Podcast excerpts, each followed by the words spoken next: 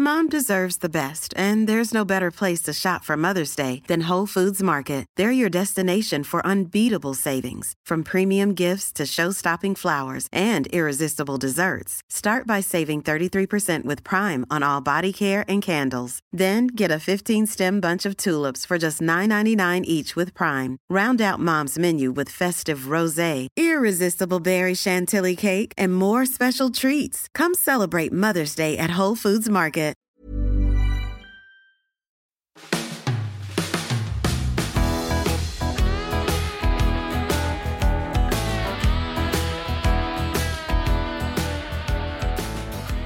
Hej och välkommen till Udda Jämt. En podd om vårt liv som är, precis som det låter, udda jämt. Det är lite olika tillfällen bara som avgör vem av oss som står för det namnet. Den här podden drivs av mig, Annika 50 år, som både kan vara klok och vimsig och min son Lukas 21 år som har ADD och Asperger. Här delar vi med oss av vårt liv med diagnoser, allt från Lukas tuffa uppväxt och min roll som stöttande mamma till vår vardag som ibland kan innehålla roliga och genanta situationer som utmanar våra roller. Idag har jag med mig Lukas pappa Rickard och som kommer att berätta lite om sig och sina diagnoser. Vi kommer också prata en del om vår relation. Jag uppskattar jättemycket att du vill ge lyssnarna möjlighet att få lära känna dig och veta hur det är för dig att leva med diagnoser. Du har ju trots allt haft ett rätt långt och innehållsrikt liv, inte minst med mig. Så att det finns ju mycket i ditt liv som är väldigt intressant att få höra. Så du kan få börja med att berätta lite om dig själv. Dina diagnoser, hur de påverkar dig och hur du lever idag. Ja, hejsan, tack. Jag heter Rickard som sagt var, är 53 år. Jag har ADHD och spår av Asperger. Jag bor ensam i en liten tvåa på Gärdet och jobbar med el. Jag är född och uppväxt i Salem. Där började jag första klass och sen flyttade vi till Ösmo ett par år och sen tillbaka till Salem igen. Jag flyttade hemifrån rätt tidigt, redan när jag var 15 år. Det var en rörig uppväxt. Det var stökigt hemma så vi flyttade runt en hel del. Jag bodde även korta perioder hemma hos olika kompisar. Till slut så flyttade jag hem till syrran på Söder. Där bodde jag en tid tills hon flyttade ihop med sin kille. Då fick jag låna hans lägenhet i Midsommarkransen, där jag bodde en tid om mina tonår. Jag var spänningssökande och drogs till både droger, alkohol, inbrott och liknande grejer. Jag var då aldrig en bråkig person, men väldigt sökande. Styrketräning har alltid varit min grej. Jag började med det när jag var 13 år gammal. Jag blev snabbt beroende av känslan som jag kände när jag var där. Även känslan att känna hårdheten under huden. Den känslan var tillfredsställande och drivande. Även den bekräftelse jag fick när musklerna växte. Jag har alltid haft ett väldigt stort bekräftelsebehov, så jag blev beroende av att träna för att dämpa min ångest. Jag har också alltid varit beroende av att jobba hårt och mycket. Jag får kraftig ångest om jag är hemma en vardag till exempel. Det spelar ingen roll om jag har en bestämd betald ledig dag. Är det en vardag så känns det inte bra helt enkelt. Jag får ångest då. Behöver jag vara hemma för att jag är sjuk så kan det leda till att jag får en jobbig dipp. Jag har alltid jobbat väldigt mycket. Då får jag en liknande känsla som jag får på gymmet. Inte lika stark dock, men ändå tillfredsställande på något sätt. Särskilt om jag jobbat hårt med kroppen och haft en effektiv dag. Gör jag en dålig åtta så känns det inget bra. Och det har jag lärt mig nu, det betyder arbetsdag. När förstod du att du hade svårigheter som kunde vara någon diagnos?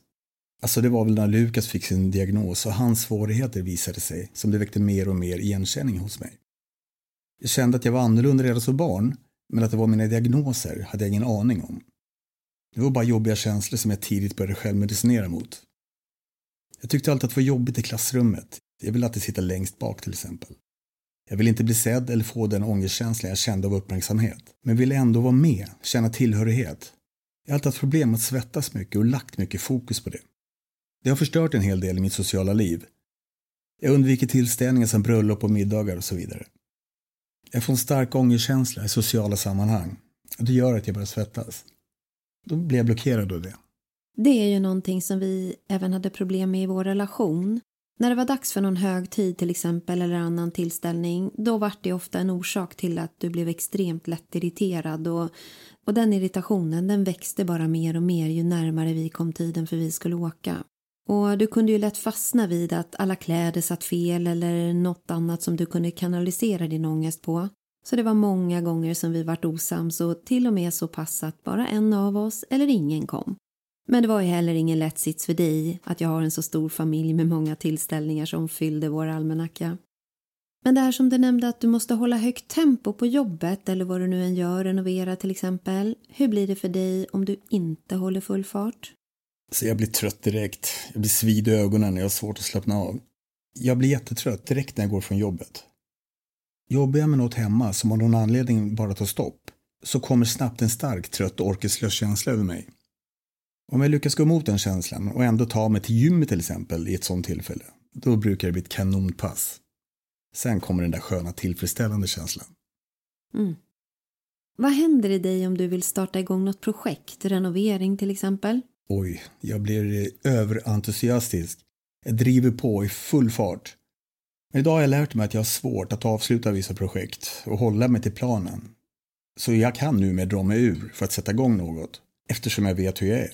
Ja, vi kan ju till exempel berätta om den renovering som du är i just nu. För du bestämde dig för att renovera ditt kök i juni. Och då rev han ut hela köket och skulle lägga nytt golv också. Och det växte till ett nytt golv i hela lägenheten och allt vad det innebär med socklar och fix i olika vinklar och vrår. Och sen bestämde han sig för att måla om hela lägenheten och så började han bygga en sängstomme för han skulle byta säng och sen tog han bort dörrar och skulle sätta dit en skjutdörr och sen började han sänka taket i sovrummet och sen ville han slutföra ett projekt som han inte hade avslutat för ett par år sedan och det var att sätta foder på en garderob som han hade byggt in i väggen i hallen. Det här har ju resulterat att han har haft hela lägenheten under total renovering i flera månader nu. Och han har fått klättra förbi kartonger, brädhögar, färgburkar och haft oändligt med verktyg hemma överallt, sågmaskiner och allt vad det är. Det har nog inte varit mer än en meterfri yta någonstans. Sen tar det emot lite, då hoppar de på nästa projekt. Saknas det något, eller en skruv får gängpaj, då suckar han och hämtar en målarburk istället. Du har en sån enorm vilja och driv, men sen tar det ju bara stopp. Jag som levt med dig länge nu, jag vet ju hur duktig du är och hur energisk du är inför projekt och stark som få. Sen har du ju aldrig varit bra på att be om hjälp heller. Du krigar enormt med din kropp varje gång så att det här har ju också varit en fälla i vår relation. För jag har ju också varit drivande till renoveringar och förändringar vilket lett till att vi också ofta levde i nästan klara projekt. Men nu har vi lärt oss mer om hur du fungerar och jag kan hantera det lite bättre nu och stoppa dig.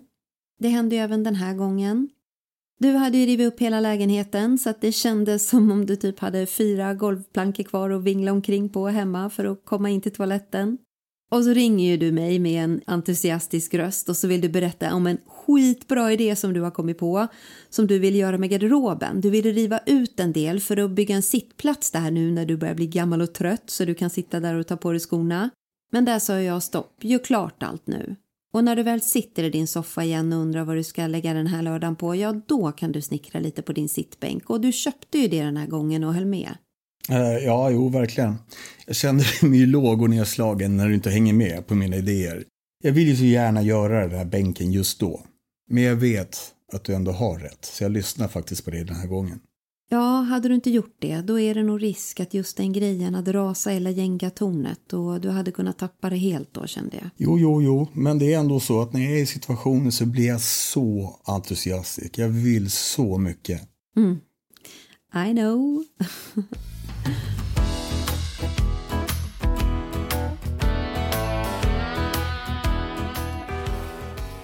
Vi delade ju på oss efter 13 år och för vår del då handlar det inte om att vi utvecklades som vänner vilket annars kan vara en vanlig orsak till att man väljer att gå isär efter så många år ihop.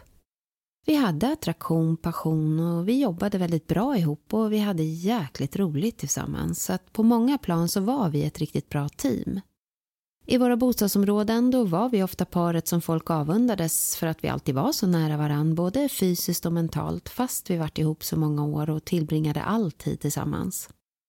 Vi drev våra projekt ihop som både var renovering av hus och olika företagsprojekt och ju mer tid vi tillbringade ihop, ju bättre hade vi det tillsammans. Så funkade vi. Det som skavde för min del, det var att när vi blev föräldrar och vi fick ett barn som hade särskilda behov, då tog det väldigt mycket tid och energi från mig och jag saknade att vara två vuxna i det. Jag känner mig ensam. Det har även varit väldigt ångestladdat för Rickard att prata ekonomi eh, eller ens att få med honom och tillsammans ha koll på ekonomi och utgifter både privat och i våra bolag. Och det handlar inte om ifall vi hade dålig ekonomi eller om det fanns pengar. Och öppna räkningar, det har alltid varit ångestladdat för honom och någonting som fick ligga på mig. Ville jag att vi tillsammans skulle se över ekonomi eller andra områden som handlade om papper, myndigheter eller annat som tog emot, då kom alltid meningen. Måste vi ta det idag? Inte idag snälla, vi får ta det en annan dag. Rickard å andra sidan, han kämpade rent fysiskt och kände att han aldrig räckte till. Han ville mig så väl hela tiden och precis som för Lukas så var det väldigt viktigt att jag mådde bra och var på gott humör. Men eftersom jag saknade Rickard bredvid mig som förälder så spelade det ingen roll hur han kämpade med vare sig renoveringsprojekt eller försörjning av familjen. Svårigheten att avsluta projekt gjorde att det alltid låg något över oss. Min känsla som jag hade, att jag längtade att komma ifrån renoveringar och husliv för att få mer fritid och njuta av livet, det skar sig med Rickards behov av att alltid ha något att göra för att inte hamna i sitt ångestläge och bli jättetrött. Så att när vi väl kom ifrån husliv, projekt och gemensamma företag, då rasade det snabbt utför. Min stora besvikelse över att Rickard ändå inte var vid min sida som en förälder, det utvecklade dåliga sidor hos mig i vår relation. Jag körde också slut på mig för att jag är en person som tänker mycket mer på andra än mig själv och jag hade kämpat långt mer än jag egentligen orkade en längre tid. Så att jag tappade greppet helt enkelt. Eftersom jag behövde vara tydlig med mina behov och ta mer plats för att Rickard skulle förstå så blev det ju fel för oss båda att jag har den egenskapen. Jag orkade inte driva hela skeppet själv som det kändes då. Jag saknade enormt mycket och bara få små saker gjorda i vardagslivet utan att projektera dem också. Jag önskade att det bara skulle hända. Rickard å andra sidan kämpade ju dygnet runt för att göra mig glad. Men det går ju inte att tanka diesel i en bensinmotor, det vet ju alla. För mig var det fel bränsle jag fick. Jag behövde lugn och trygg familjediesel och istället så fick jag flygplansbränsle, annars störtar planet. Rickard hade och har inte förmågan att vara förälder på det sättet som förväntas och det handlar inte om ett val i hans fall. Men det har tagit mig tid att nå till den förståelsen. Och det gäller nog även Rickard. Även om han reagerar på samma sätt nu när det är någonting så har han blivit bättre och lugnare i vissa avseenden och mer insiktsfull. Så idag har vi en annan dialog och medvetenhet båda två som underlättar vår relation. Idag när vi har en insikt i det här båda två då är det mycket lättare att hantera även om uppdelning och ansvar i det här fallet inte kan bli rättvist. Så är det bara. Men det är ingenting som Rickard har valt. Det är nog tufft för honom att kämpa med sig själv och allt han måste klara själv som vuxen och de svårigheter som diagnoserna ger. Att jag dessutom var den drivande i olika projekt det har ju inte underlättat. Att just skaffa barn, det hände ju bara och det var vi ju väldigt positiva till båda två. Men det här att vilja framåt i relationen, att vilja skaffa hus, hund, företag och så vidare. Det var ju ändå jag som drev på det utan att då förstå att Rickard hade svårigheter. Rickard ville ju väl och vara mig till lags och han ville alltid göra mig glad precis som Lukas. Så att han var alltid engagerad i projekten vad jag än föreslog. Han gav allt och lite till. Men sen skulle han samtidigt hantera sina diagnoser och svårigheter som då inte var på papper utan bara problem och svårigheter som skavde i både honom och vår relation. När det väl var ett faktum att dela på oss, då stack Rickard bara. Han lämnade skeppet helt. Där stod jag i en relativt nyinflyttad lägenhet som nästan var färdigrenoverad och vi var precis innan mållinjen för att kunna börja koppla av tillsammans. Vi hade kommit till en stadsdel som var beredd att ge Lukas den skola som skulle passa honom. Men det var ju också Sveriges dyraste stadsdel, Östermalm. Jag som är en Sumpan-tjej, uppväxt i Sundbyberg med arbetarbakgrund och knappt gått på restaurang mer än McDonalds i mitt liv, stod nu här i Östermalms stadsdel med vår son som behövde just den här skolplatsen och en grandanna som var typ lika stor som jag och insåg att jag nu skulle bli tvungen att styra den här båten i land själv med ena handen på ratten och den andra full med problem och trasiga känslor och var tvungen att styra rakt trots att vattnet stormade runt mig på det värsta sätt man kan tänka sig. Rickard checkade ut från allt med en enda smäll i dörren. Borta. Han var helt ur kurs från oss och vi hade i stort sett ingen kontakt i fem veckor. Den nödvändiga vi hade, det gav inget annat än mer storm i havet. Vår separation var allt utom vänskaplig och fin. Den innehöll allt man inte önskar sig och lite till. Vi kan lugnt säga att vi var allt utom vänner under en lång tid. Jag fick helt enkelt bara se till att lösa det. Det vart då ordna så att lägenheten såldes. Sen köpte vi två nya boenden, en etta till Rickard och en tvåa till mig och Lukas. Jag fick vid det här tillfället göra ett fruktansvärt beslut, framförallt mot Lukas. att återlämna Amadeus, våran käraste grandannoa, till uppfödaren. Mitt i allt det här så hade Lukas börjat sin nya klass. Så där skulle vi ramla in med leenden och se lyckliga och Östermalmsbekväma ut som om ingenting har hänt. Lukas var jätteledsen under den här perioden och saknade pappa. Jag berättade som det var att vi skulle skilja på oss. Lukas var jätteledsen och till och med otröstlig vid ett par tillfällen. Han låg och grät på sängen och sa om och om igen. Jag vill inte att ni ska skilja er. Jag vill att pappa ska komma hem. Ett tillfälle han själv kommer ihåg än idag. Då låg han och grät i sitt rum. Och så kom jag in till honom med sockerkakssmet. För vi älskade båda två att slicka skål när vi hade bakat. Så jag gjorde bara smet och så hällde jag upp det i varsin skål. Och sen gick jag in till honom med filt och sockerkakssmet. Och så satt vi och grät och åt smet om vartannat. Men Rickard kom inte hem. Vi flyttade in i våra nya lägenheter, känslorna för varandra släppte inte taget direkt, vilket ofta gör saken värre. När vi båda landat så gjorde vi dessutom ett par försök att lappa ihop oss som särbos och så testade vi lite som sambos en gång till, men det vart bara mer och mer fel vid varje försök. Till slut var vi hund och katt. Vi var länge i ett sånt läge där Rickard stod bakom vår gata för att vänta på Lukas när han skulle hämta honom för att han skulle vara hos honom en helg. Det är absolut ingen situation man önskar sin gulliga lilla unge som är fylld av ledsna känslor för att mamma och pappa inte kan bo tillsammans med honom längre. Men det var så svårt att inte fyllas av alla svarta känslor man hade själv och resonera med sig själv och vara den stora för Lukas skull. Periodvis så vart jag också lika tvär. Det är ju såklart en stor sorg att man inte kunna vara bättre än så men det är så himla svårt att hantera sina känslor när de är för starka oavsett om de är bra eller dåliga. Då blir det ibland omöjligt att agera klokt. Som man brukar säga, man är ju bara människa som även kan bli ett barn igen i vissa lägen. Men jag var väl den som ofta försökte resonera med Rickard när jag kände mig alldeles för orättvist behandlad eller att det var någonting som spillde över på Lukas. Men i det här läget var Rickard låst. Min besvikelse växte till ilska och det var många romaner som textades via både mejl och sms utan mottagare kan jag säga. Jag hade nog lika gärna kunnat göra pappersflygplan av alla ark jag tillbringat timmar med att skriva ner och all tid jag la på att formulera mig bra så att det skulle nå fram rätt. Jag vet inte, men det kanske är lite klassiskt att vi kvinnor kan vara de som skriver långa innehållsrika brev med olika besvikelser och uppmaningar.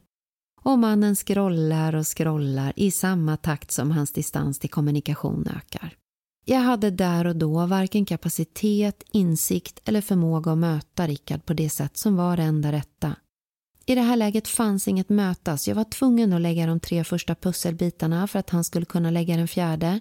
La jag fel bit eller ansåg att vi skulle lägga varannan, då bröt han sig in mitt i tu istället och gick därifrån. Jag krigade ett tag för att han skulle bli varannan vecka-pappa men det gjorde också att vi bara blev mer osams. Men eh, jag tänker Rickard, hur ser du på den här tiden? Alltså för mig var det att jag fick känslan av en stor besvikelse på mig själv. Att jag misslyckats med familjelivet helt. Den perioden det var bara stor svart avgrund för mig. Jag visste inte var jag var eller var jag skulle någonstans. Det kändes bara svart. Jag har egentligen inte så mycket minnen för den tiden. Mer än att jag valde att döva mig på alla de sätt jag kunde. Jag gjorde vad som helst för att slippa tänka. Det var mycket dövande av all självmedicinering jag kunde komma åt. Jag drack jättemycket under den tiden. Jag jobbade bort all tid jag kunde. Jag har dock alltid skött mitt jobb under hela mitt liv. Besvikelsen över mig själv gjorde att jag bara ville bort.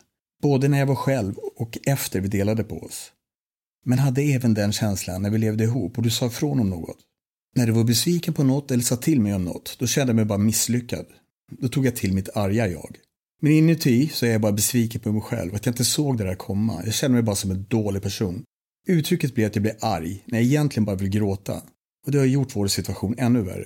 Eftersom du är känslig för höga röster och arga personer så skar det sig rejält på alla sätt när vi hamnade i en konflikt. Mm.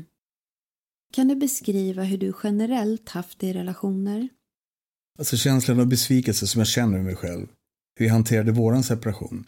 Den jag blev då sitter i än idag. Jag vill inte göra om samma misstag igen. Jag håller mig undan för att jag inte känner mig god nog. Min önskan och välvilja kommer inte fram på rätt sätt. Jag känner mig ofta missförstådd. Då vill jag gärna vara i min egen bubbla så bara jag kan ta de smällarna och mina egna misstag. Det uppfattas då ofta som att jag inte har någon känsla eller bryr mig.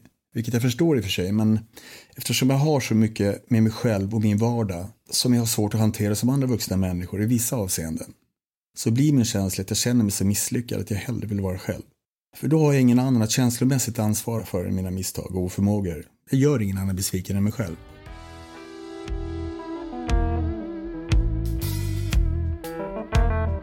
Vi tappade kontrollen helt över att hantera varandras svårigheter. Våra personligheter kunde inte samarbeta alls längre. Jag med min överkänslighet och allt ansvar som jag ensam fick ta för så mycket gjorde att jag tog stopp och även satte oss i en situation som förvärrade det. Eftersom Rickard gärna hade gjort mer i många fall än vad jag förstod. För så länge jag inte var så tydlig som han behövde att jag var, då förstod han inte. Då blev han passiv och jag mer besviken. Hans frustration och besvikelse över allt misslyckande han kände och även känslan av att vara exkluderad i familjelivet fast han egentligen ville annat men förstod inte hur. Det hanterar han med ett verktyg som inte alls passar min överkänslighet. Tvärtom. Jag å andra sidan matade hans besvikelse över allt med långa utlägg över alla misslyckanden. När jag väl kapitulerade över att han inte kunde vara varannan vecka pappa så började allting vända. Rickard har alltid varit den som har tagit allt fysiskt i våra liv, både praktiskt men också när det gällt olika konflikter med barn för Lukas. Han har varit världens bästa på det och möta barn och ungdomar och även deras föräldrar. Då har han kunnat prata klokt, bestämt och tydligt med föräldrar och barn. Alltid. Man skulle ju kunna få bilder framför sig hur det hade kunnat se ut med tanke på hans temperament, men det här är någonting som även Lukas har tagit notis till. När Rickard behöver konfrontera en konflikt som handlat om honom, då omvänds hans inre aggression till att han blir väldigt verbal och saklig. Då väcker hans temperament en bestämd talesman i honom. Det kommer fram en klok och vältalig person som definitivt inte ställt väckarklockan för att ställa upp och hantera våra konflikter. Eller när det är trafik eller annat som gör honom mer grinig och lättirriterad och tvär. Han är verkligen världens bästa pappa på det sätt han kan. Aldrig någonsin höjt rösten till Lukas. Gjort allt för honom, på det sätt som han förmår. Gett honom alla pengar han haft på fickan och lite till om han önskat sig någonting. Sprungit benen av sig för att han ska få sin drömjulklapp. Den aggressiva och burdusa sidan i Rickard, den har bara varit till fördel för Lukas. Och vi måste ju berätta om en situation där ett gäng kastade ägg på vårt radhus. Vi bodde i vårt eh, första radhus och Lukas var sex år. Vårt radhus hade två våningar och vi hade ett tv-rum på övre plan. Vårt liv med videobutiken krävde ju mycket filmtittande som var det bästa vi visste så det var ju inte ett besvär direkt. Vi hade tittkopior för att vi skulle titta på filmer för att bestämma hur många kopior vi ville köpa per film. De kostar ju ändå 600 kronor per kopia så att man måste ju tänka till vilka titlar som skulle kunna bli populära. Vi hade på den tiden en kortare period tyvärr, en chefer som hette Ajax. Dessvärre blev han väldigt sjuk vid två års ålder och var tvungen att somna in. Vi låg en kväll i vårt tv-rum och tittade på film. Ajax låg på golvet bredvid oss och sov. Klockan var vid tio tiden så Lukas låg också och sov. Plötsligt hörs ett smärsande ljud på rutan. När vi tittar upp så ser vi ägg rinna smetigt längs våra fönster som jag nyligen tvättade dessutom. Vi tittar ut och ser några mörka gestalter springa därifrån. Rickard rusar upp, nerför trappen, kastar sig ut genom dörren och tar jakt på de mörka gestalterna mot det håll han såg dem springa. Han är så fångad av sin aggression och fokus på att de inte ska komma undan så att han helt tappar att han har sin skjorta helt uppknäppt. Det var en stackars knapp han lyckades knäppa innan armarna skulle börja hjälpa till att ge fart i stegen. Skorna stod kvarglömda i hallen. Allt han fick med sig var kroppen att springa med och ilskan och viljan att få tag i dem som bränsle. Lukas har vaknat av all uppståndelse och jag känner oro för att Rickard ska komma ikapp personer han egentligen inte vet vilka de är. Så jag öppnar dörren och släpper ut Ajax som har fattat läget och vill ut och springa efter. Rickard rusar ut på den asfalterade bilvägen, barfota med skjortan uppknäppt. Han springer med en vilja starkare än hans ben förmår så att underkroppen hinner inte riktigt med överkroppen som är snäppet före med hjälp av armarnas hastighet. Andningen hinner knappt med sig själv heller och viljan att få tag i dem vann överlägset i kroppen och allt annat fick bara foga sig. Ajax springer före honom för han har fattat läget och han är minst lika taggad som Husse. Hans inställning är mycket tydlig. Häng med mig, vi löser det här. Rickard ser att killarna springer mot ett område som han känner till och vet hur det ser ut. Ajax har täten och springer mot dem. När Rickard väl kommer fram då ser han hur Ajax har ställt två killar mot en vägg och inväntar Rickard. Killarna är livrädda och står blickstilla mot väggen. Rickard går fram till dem, rycker tag i jackorna, släpper med dem och tvingar dem att få tillbaka resten av gänget för att återvända till ägghuset. Jag och Lukas ser hur Rickard kommer tillbaka till radhusområdet och vägen mot vårt hus med två killar, en på varje sida. Hans händer är fullt upptagna med att vrida om deras jackor så öppningen för deras huvuden minimerats. De stirrar livrädda och andas lika snabbt som han gjorde under sin barfotaresa på Lövstavägen. De får sätta sig på vår uppfart och ringa sina vänner och se till att de kommer tillbaka. Rickard nöjde sig inte med den duo som han fick tag på. Han ville ha tillbaka hela bus och kulgänget för att återskapa deras showgäng, men nu tänkte han själv stå för regin. Den skulle dock inte bli lika machoball som den känsla de hade när äggen nådde sitt mål, vårt hus. Nu skulle de istället få tvätta bort allt som de hade ställt till med. Vi hör en kille få tag på sin ena kompis i andra änden av luren och han säger Ni måste komma tillbaka för det är Rickards hus. Rickard! Rickard från videohörnan och han är skitarg och ni måste komma nu! Vi måste tvätta deras fönster, skriker killen fram med en skärande målbrottsröst som svajar mellan KOL och ett flickebarns. Och med stänk av panik och ojämn andning och rädsla för vad som väntade. Till slut kom ett par killar till lunkande tillbaka med sina tunga kepsar och skämmiga blickar. Så äntligen var gänget åter samlade på vår tomt. Det som väntade var att tvätta fönster, vilket de med all säkerhet fick sin första lektion i av mig. Efter att varenda äggprick var borttvättad så tvingades de gå in, en och en, till Lukas som låg i sitt rum, ta av sig sina coola kepsar och så sa de Förlåt Lukas för att vi kastade ägg på fönstret och väckte dig. Sen kunde vi återgå till vår film som absolut inte kunde leverera samma action som den här kvällen gett oss i alla fall. Så vi somnade nog gott alla tre till slut. Men nu tillbaka till vårt föräldraskap. Att vara just förälder med det ansvaret som det innebär, det är ju omöjligt om man inte ens kan ansvara för sig själv i alla lägen. Det var ju däremot ingenting som fanns bekräftat för Rickard, varken på papper eller på annat sätt. Utan det var ju bara en känsla han hade i sig, en oförmåga som kändes dåligt och så ska den hanteras på det sätt som låg närmast att hantera dåliga känslor för honom.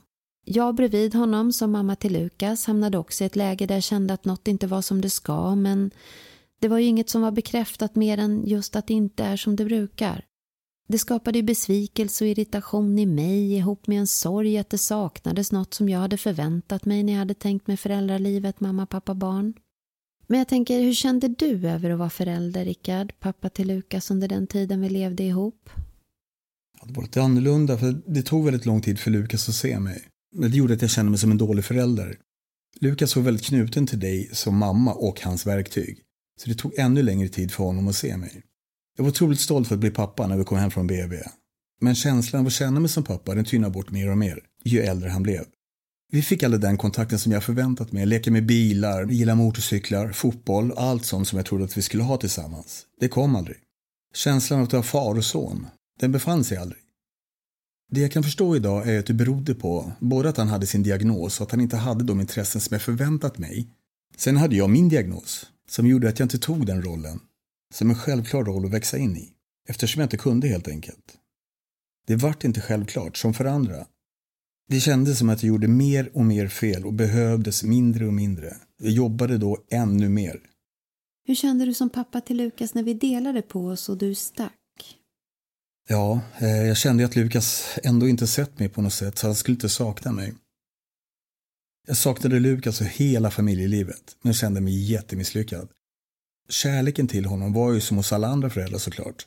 Det dövade jag med självmedicinering och mycket jobb. Det var en väldigt dålig tid i mitt liv, svart, och ångestfylld. Sen när jag kom till ett nytt eget boende så kändes det lite bättre. Lukas och jag började ses lite oftare, men det kunde också gå illa. Jag hade perioder där jag svek honom även där. Jag hamnade på botten igen. Där fick jag till slut både utredning och hjälp med mediciner och även andra verktyg att försöka hantera livet bättre. Men ärligt talat så är det inte så stor skillnad, förutom att jag mår bättre och är lite bättre på att hantera olika situationer. Sen att jag får hjälp med mediciner så jag slipper självmedicinera. I övrigt är det nästan samma liv idag. Jag jobbar mest och håller mig undan socialt liv och relationer. Hur skulle du beskriva din roll som pappa idag? Alltså jag känner mig fortfarande kass för det som har varit.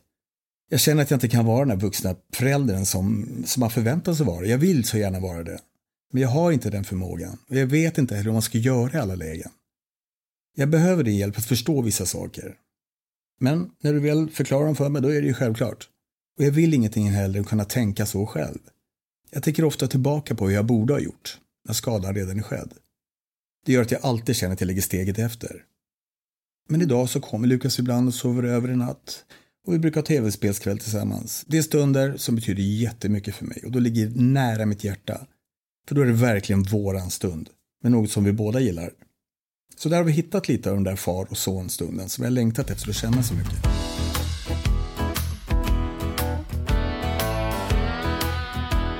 Ja, vi har idag hittat till ett helt annat förhållningssätt än vi hade innan.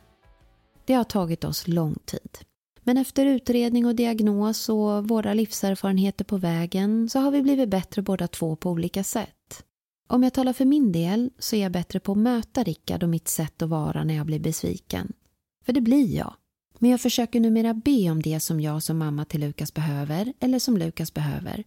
Istället för att tala om för honom vad han borde ha gjort. Det är en stor skillnad som hjälpt oss mycket för att hitta dit vi är idag tror jag. Ett exempel var för inte så länge sedan när Lukas hade kämpat med en skoluppgift som han hade haft det jättejobbigt med. Han fick en extra lärare digitalt som han skulle jobba med under sommaren för att få uppgiften klar till höstterminen. När den väl var klar då var det ju konfettijubel här hemma. Så jag ringde och berättade för Rickard. Senare på dagen så förstår jag att Lukas inte har fått något gratulerande samtal från pappa. Hade vi varit på andra sidan gränsen då hade jag skrivit ett bittert besviket mess om hur dåligt det är att han inte ens ringer och grattar sin son som kämpat hela sommaren och är så lättad idag. Att han inte har gett honom den självklara bekräftelsen från sin pappa som han är värd. Det kan ni ju räkna ut nu hur det skulle falla. Som present för att lyckas med sin uppgift hade Lukas haft två föräldrar som blivit osams och allt det inneburit. Det jag istället gjorde, det var att se över min reptilkänsla, mässa och bara be Rickard ringa Lukas och säga hur duktig han har varit. Jag får då till svar med vändande mess. Självklart, vilken jävla idiot jag är.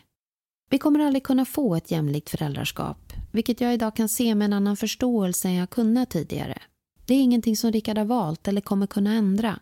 Det kan också vara värt att ge honom en stund att sätta sig in i och alltid känna sig otillräcklig och inte kunna ge ett föräldraskap, varken till mig eller till Lukas, som han självklart hade gjort om han inte hade haft sina svårigheter. Å andra sidan så får ju vi något av Rickard som många andra kanske inte får. Vi får 100% välvilja och hjärta. Han ger allt och lite till när det behövs av det han har i sitt förråd av förmågor. Han är alltid där och ställer upp när saker behöver bäras, skruvas ihop, sättas upp. När jag fick punka på bilen mitt en vardag då åkte han ända till Haninge där jag hade mina däck för att hämta dem för jag hade ingen reservdäck och sen bytte han alla mina däck i kyla och andra motgångar. Men inte utan att slänga ur sig kommentaren Du får fan skaffa en snubbe snart så jag slipper den här skiten. Sen kommer han nog alltid vara den som istället för att fråga Lukas hur det går i skolan frågar honom med en “jag är redan lagt ton”. Har de varit schyssta med det på nätet eller är det någon jag ska spöa? Det är ju tur att Lukas är hans raka motsats att han aldrig skulle snå åt sig det erbjudandet. De är så otroligt olika och ändå så lika. Det är fascinerande. Det är udda jämt. Rickard betyder väldigt mycket för mig än idag. Vi är ju blodsband på det sättet att vi har ju Lukas tillsammans och eh, då har man ju en kärlek till honom gemensamt på ett sätt som man inte kan få med någon annan. Det tillsammans med alla år vi nu känt varann och alltid varit varann så nära så gör det att jag alltid månar om honom oavsett om vi har varit osams eller haft perioder med lite kontakt. Det finns alltid en känsla som liknar samma omsorg som man känner för andra nära personer. Det som närmast kan beskriva oss det är en typ av syskonkärlek och det kommer alltid vara vi, just bara vi, som kan känna den där föräldrakänslan för Lukas och förstå varann. Det finns mycket i Rickards person som är antagonistisk min och som jag har jobbigt med, irritationen till exempel. Men nu är den bättre och jag har också lärt mig att hantera den bättre. Sen lever ju vi på varsitt håll sedan många år och vi har ju våra egna liv, vi har även kommit dit att vi gärna kan stötta och råda varandra i kärleksrelationer när vi har haft det. Den värme Lukas visar och också uttrycker i ord när vi finns för varann och umgås, den är värd allt. Sen är det ju också en stor trygghet att vara någon så nära som står för så mycket som man själv är svag i och som dessutom känner mig så väl. Så att jag vill sammanfatta det med att Rickard betyder och alltid kommer att betyda väldigt mycket för mig. Men hur skulle du beskriva mig i ditt liv och vem jag är för dig? Ja, nu idag när man känner distans till allt det där jobbiga som, som jag har haft och jag har mer insikt i mig själv, så känner jag att du kan möta mig på ett helt annat sätt. så känner jag en helt annan trygghet i vår relation. Du är även mitt verktyg i livet, inte bara Lukas. Så du är med mig på jobbet hela dagarna. Så fort någon sätter på en cirkelsåg så suckar jag och utropar så alla hör. Åh nej för fan, Annika är här. det har hänt att någon kommer fram och frågar. Eh, du, är det okej okay om jag lånar Annika en stund? en kvinnlig kollega var närheten en gång när jag döpte dig efter brandlarmet. Så nästa gång brandlarmet gick, då utbrist hon. Ah, är det Annika? ja du, kärt barn har många namn. Mother's Day is around the corner. Find the perfect gift for the mom in your life with a stunning piece of jewelry from Blue Nile. From timeless pearls to dazzling gemstones, Blue Nile has something she'll adore. Need it fast? Most items can ship overnight. Plus, enjoy guaranteed free shipping and returns. Don't miss our special Mother's Day deals. Save big on the season's most beautiful trends. For a limited time, get up to 50% off by going to Bluenile.com. That's Bluenile.com. Imagine the softest sheets you've ever felt. Now imagine them getting even softer over time. That's what you'll feel with Bowl and Branch's organic cotton sheets. In a recent customer survey, 96% replied that Bowl and Branch sheets get softer with every wash. Start getting your best night's sleep in these sheets that get softer and softer for years to come. Try their sheets with a 30-night guarantee. Plus, get 15% off your first order at bowlandbranch.com. Code BUTTERY. Exclusions apply. See site for details. Jag vill gå tillbaka lite till din papparoll. Jag som mamma har ju även där, precis som i andra sammanhang jag nämnt, tagit till mina egna känslor och mått dåligt i många perioder över hur jag tror att Lukas känner och tänker. Men jag vill berätta att jag aldrig under någon period i hans liv märkt av någon besvikelse hos Lukas över den situation som vi har haft som föräldrar och Rickards del i hans liv. Men jag tänker nu även ta in Lukas och ge honom möjlighet att säga hur han har känt över att pappa haft en annan roll i hans liv än hur det kanske brukar vara. Jag tycker han har varit en pappa fast på sitt sätt. Jag har inte haft något behov av en annan typ av pappa. Jag vet ju att han alltid finns där och ställer upp om det är något. Det är ju det som är den största delen med att vara en pappa. Sen gör ju han det med på distans, men det är så han gör. Och det är jag fine med. Om jag jämför med andra pappor som kan vara väldigt upptagna med sina jobb och frånvarande i resor och annat som gör att mamman behöver ta det mesta det kan vara lite så med min pappa, fast han är ju lättare tillgänglig. Han gör sitt och lever på sitt håll, men är pappa på distans, även om man inte tänker på det. För han är alltid där när jag behöver.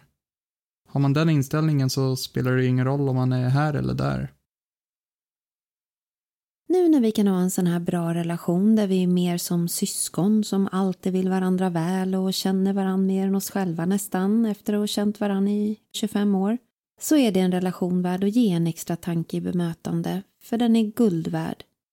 Inte minst för Lukas som ofta får vara med båda sina föräldrar tillsammans på olika högtider. Jag ser och hör honom och hans otroliga värme och glädje han uttrycker när vi ställer upp för varann, som vi ofta gör. Och nu har det varit en period med mycket sånt. Rickards renovering har jag varit en samma del i som när vi levde ihop. Jag har fått all hjälp jag behöver med olika prövningar som att hänga upp gardiner till nio en fredagkväll för att jag säger nej förresten alldeles för många gånger när han väl satt borren i väggen. Det är han jag ringt när lampan på bilen gått sönder, datorn kraschar, min impulskontroll har gjort att jag står med en skänk på 30 kilo från Ikea som ska hem och skruvas ihop. När jag har stått i vändplan vid fältöversten och väntat på Lukas som är inne och handlar på McDonalds och ska starta bilen och den är död. Det hände senast för några veckor sedan. Rickard fick ett samtal, för andra gången på ett år, att jag står med en död bil i en vändzon med sura bilar runt omkring mig. Han fick komma ner sju en lördag och putta bil. Och putta och putta. Den vägrade. Varenda droppe energi fick han ge i kraft åt min trötta bil som bara sov. Till slut kom min ena bror och hans tjej med sin bil och vi testade med startkablar utan framgång där heller så vi fortsatte alla och putta och putta. Efter över en timmes kamp, när alla går och puttar i baken på bilen och jag sitter vid ratten och gör bara fel för stressen att allt ska ske så fort och alla bilar runt omkring gör att jag blandar ihop koppling, gas, tvåa, etta, tändning och alla kommandon jag får. Så till slut mitt under puttandet hör de Rickard säga Åh, och det är det här man har slösat fyra bärs på ikväll. Vi kan nog summera det som att vi idag är lite samma team som vi var innan fast vi nu lever skilda och har olika liv, om man nu ska beskriva oss på bästa sätt. Och vi har fortfarande jäkligt roligt ihop. Som häromdagen när vi hade varit och fixat färg till renoveringen och jag skulle med Rickard hem. Han gick då före mig upp för trappen och jag frågade om han hade med sig allt och råkade då slänga ur mig älskling på slutet. För jag är så van att prata med Lukas så det slank ur mig bara. Oj, nu kallar jag dig för älskling, sa jag och skrattade. Ja, ge fan i det, sa Rickard och tog ett extra kliv upp för trappen. En annan gång så skulle han gå i bilen efter en dag med gemensamma uppdrag och jag sitter vid ratten och säger att vi skulle behöva ett par timmar till imorgon också för det vi skulle fixa. Han känner sig då snodd på sin egna söndagstid och utbrister Men vad fan, vad är det för mening att vi flyttar ifrån varandra om vi ändå måste umgås hela tiden? Låt mig vara! Jag fick även ett samtal mitt på dagen när han ringde och frågade vad jag gjorde mitt på Sveavägen, för då låg han bakom en buss med skylten “Varning för utsvängande bakparti”. Sån är han. Ja, vi får många skratt när han är i närheten. Men nu är det dags att avsluta dagens avsnitt. Jag är jätteglad att vi fortfarande är sams och för att vi har fått vår lilla officiella terapistund tillsammans idag. Nu ska du få göra lite lördag och slippa mig ett tag. Tack. Tack för att ni har lyssnat på oss och jag hoppas att ni vill hänga med oss även i nästa avsnitt. Fram tills dess så får ni ha det så fint och vara rädda om varann.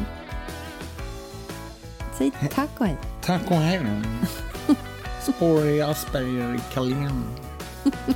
Tack och hej. För, dra åt helvete. Ge fan i mig. Nej, det går inte. Måste ha lite spånk. Men den där liran som surrar i början där, med spår av Asperger i kalsongerna, han verkar ju fan helt skickad. Drickard, fan kanske min polare. Drickard med spår i, i fickpåsarna. Jävla idiot. Ja, nej, nej. Jag trodde ni var kompisar. Hej då, Rickard.